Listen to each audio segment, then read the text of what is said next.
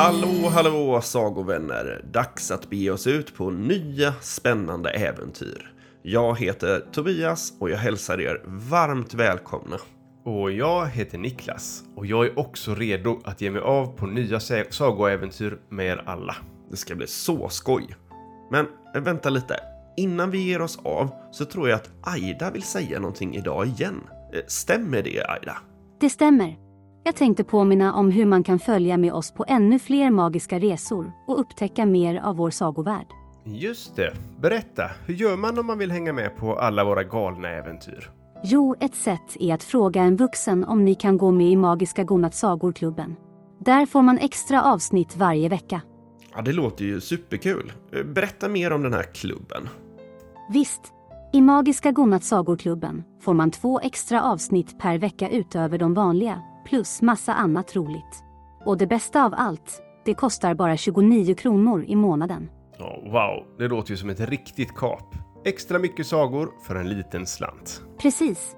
Så för er som älskar våra sagor och vill ha ännu mer, bli medlem på magiskagodnattsagor.se.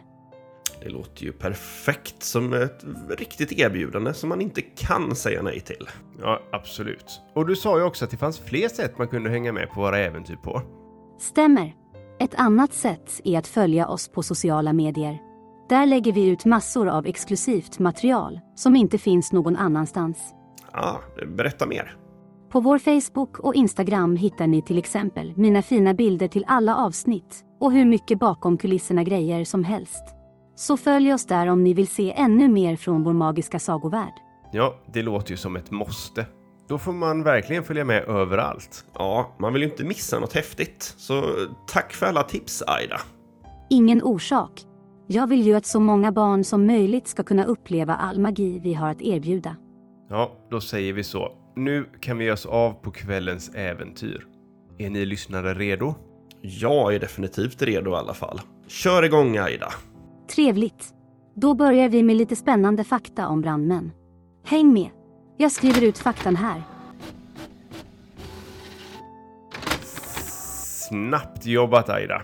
Ja, då kör vi igång lite fakta om brandmän. Brandmän är hjältar som räddar människor, djur och saker från eld och andra faror. De har speciella kläder som skyddar dem från värme och rök. Brandmän jobbar i lag och hjälps åt med olika uppgifter. De kan till exempel köra bil, lägga ut slangen, klättra på en stege eller gå in i ett brinnande hus. Brandmän gör inte bara saker när det brinner. De kan också hjälpa till vid trafikolyckor, översvämningar, oljeutsläpp eller om någon har fastnat i ett träd. Brandmän måste träna och öva mycket för att kunna vara redo för flera olika situationer. De måste vara starka, snabba och modiga. De måste också kunna första hjälpen och hur man hanterar farliga ämnen. Brandmän jobbar inte bara på dagen. De kan också jobba på natten eller på helgen. Ibland så sover de till och med på brandstationen om de har ett långt pass. Brandmän är inte bara män. Det finns också kvinnor som är brandmän. Men de är inte så många än. I Sverige så är det ungefär 7% av alla brandmän som är kvinnor. Tack för den infon Aida. Ja, brandmän är ju verkligen supermodiga. Ja, verkligen. De förtjänar all respekt. Men nu vill jag höra kvällens saga. Visst, då tar vi och kör igång historien som är önskad av Tove från Falkenberg. Vi tar och lyssnar. Är den på? Nu är den på. Um, hej, jag heter Tove och jag vill höra en saga om en flicka som, som uh, dricker en dryck och som blir liten så kan hon leka med sig i ett dockskåp och leka med dockorna. Och jag vill bara säga att, uh, att uh, Tobias gick i min pappas skola. Godnatt och hej då! Se där ja. Ja, vad spännande. Ja. Eh, hej pappan som gick i min skola. Kul! Ja, alltså Tove ville ju då höra en saga om en flicka som skulle bli liten och så att hon kan leka med dockorna i ett dockskåp. Eh, vi ska se om Aida kan klura ihop det. Fixar du det Aida? Självklart. Här kommer Toves saga.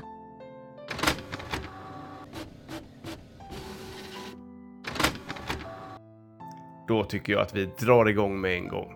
Nu kör vi Äventyr i huset.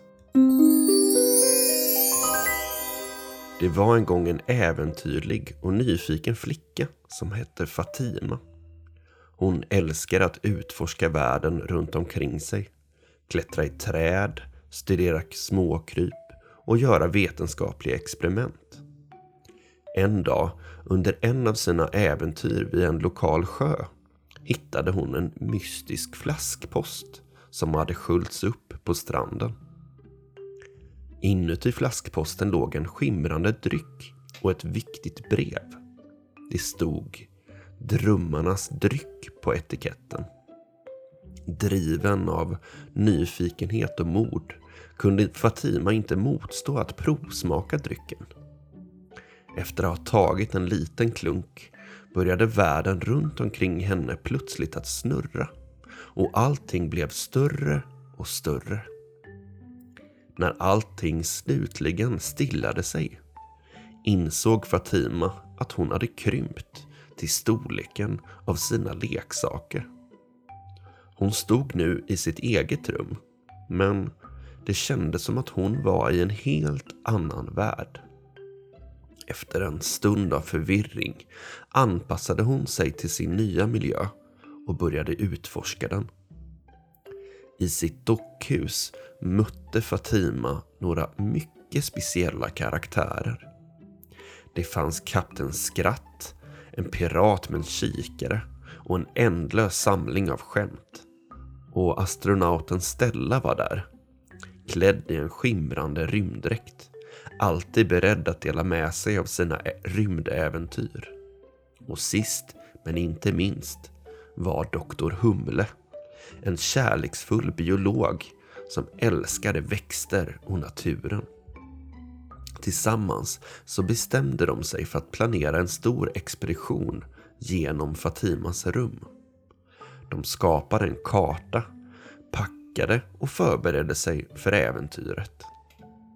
Fatima kände sig som en del av ett viktigt uppdrag och de fyra vännerna arbetade tillsammans för att förbereda sig inför den stora dagen. Under expeditionen stötte de på alla möjliga hinder. Ett berg av böcker krävde att de band samman och hjälpte varandra för att nå toppen.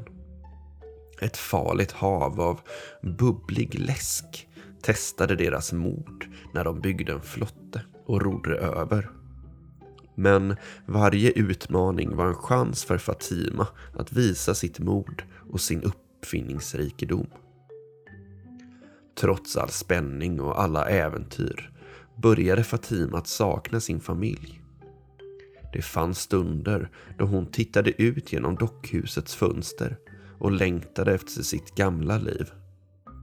Hon saknade att höra sin mammas röst, att leka med sin hund och att känna den mjuka kudden under huvudet när hon gick och la sig.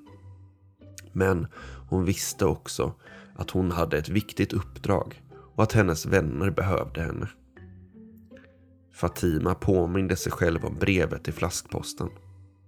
Brevet hade nämnt en motdryck som skulle kunna återställa henne till hennes vanliga storlek. Men för att skapa motdrycken så behövde hon samla olika ingredienser från hela huset. Motiverade av Fatimas beslutsamhet så bestämde hennes nya vänner för att hjälpa henne. De tog sin karta och fortsatte deras expedition. Den här gången med ett nytt mål. Att hitta ingredienserna till motdrycken. Kapten Skratt ledde vägen med sitt mod och sin humor. Medan Stella delade sin rymdvisdom och Doktor Humle använde sin kunskap om naturen för att hjälpa till. De hittade de första ingredienserna. Det var ett glitter av månljus och den fanns i en spegel på Fatimas byrå. Den andra, det var en fjärilskiss. Det hittade de i trädgården genom att, genom att försiktigt närma sig en sovande fjäril. Den sista ingrediensen, det var ett löv från ett drömträd. Och den hittade de inuti en av Fatimas favoritböcker. När de hade samlat alla ingredienser blandade Fatima dem tillsammans för att skapa motdrycken. Hon drack den med sina vänner runt omkring sig och alla höll andan. I nästa ögonblick började världen återigen snurra runt henne. Men den här gången krympte allting istället för att bli större. Fatima återgick till sin normala storlek och hennes rum kändes återigen bekant. Hon kände sin mammas röst ropandes på henne från köket och hon hörde sin hund skälla från trädgården. Och hon kände igen känslan av den mjuka kudden under huvudet. Trots att hon var tillbaka till sitt gamla liv skulle Fatima aldrig glömma den tid hon spenderade i sin lilla värld. Hon skulle alltid minnas Kapten Skratt, Stella och Doktor Humle. Men framför allt skulle hon minnas de värdefulla läxor hon hade lärt sig om mod, vänskap och äventyr. Och så levde Fatima sitt liv, fyllt av äventyr och upptäckter. Med en del av hennes hjärta fanns alltid i den lilla världen hon en gång kallade hem.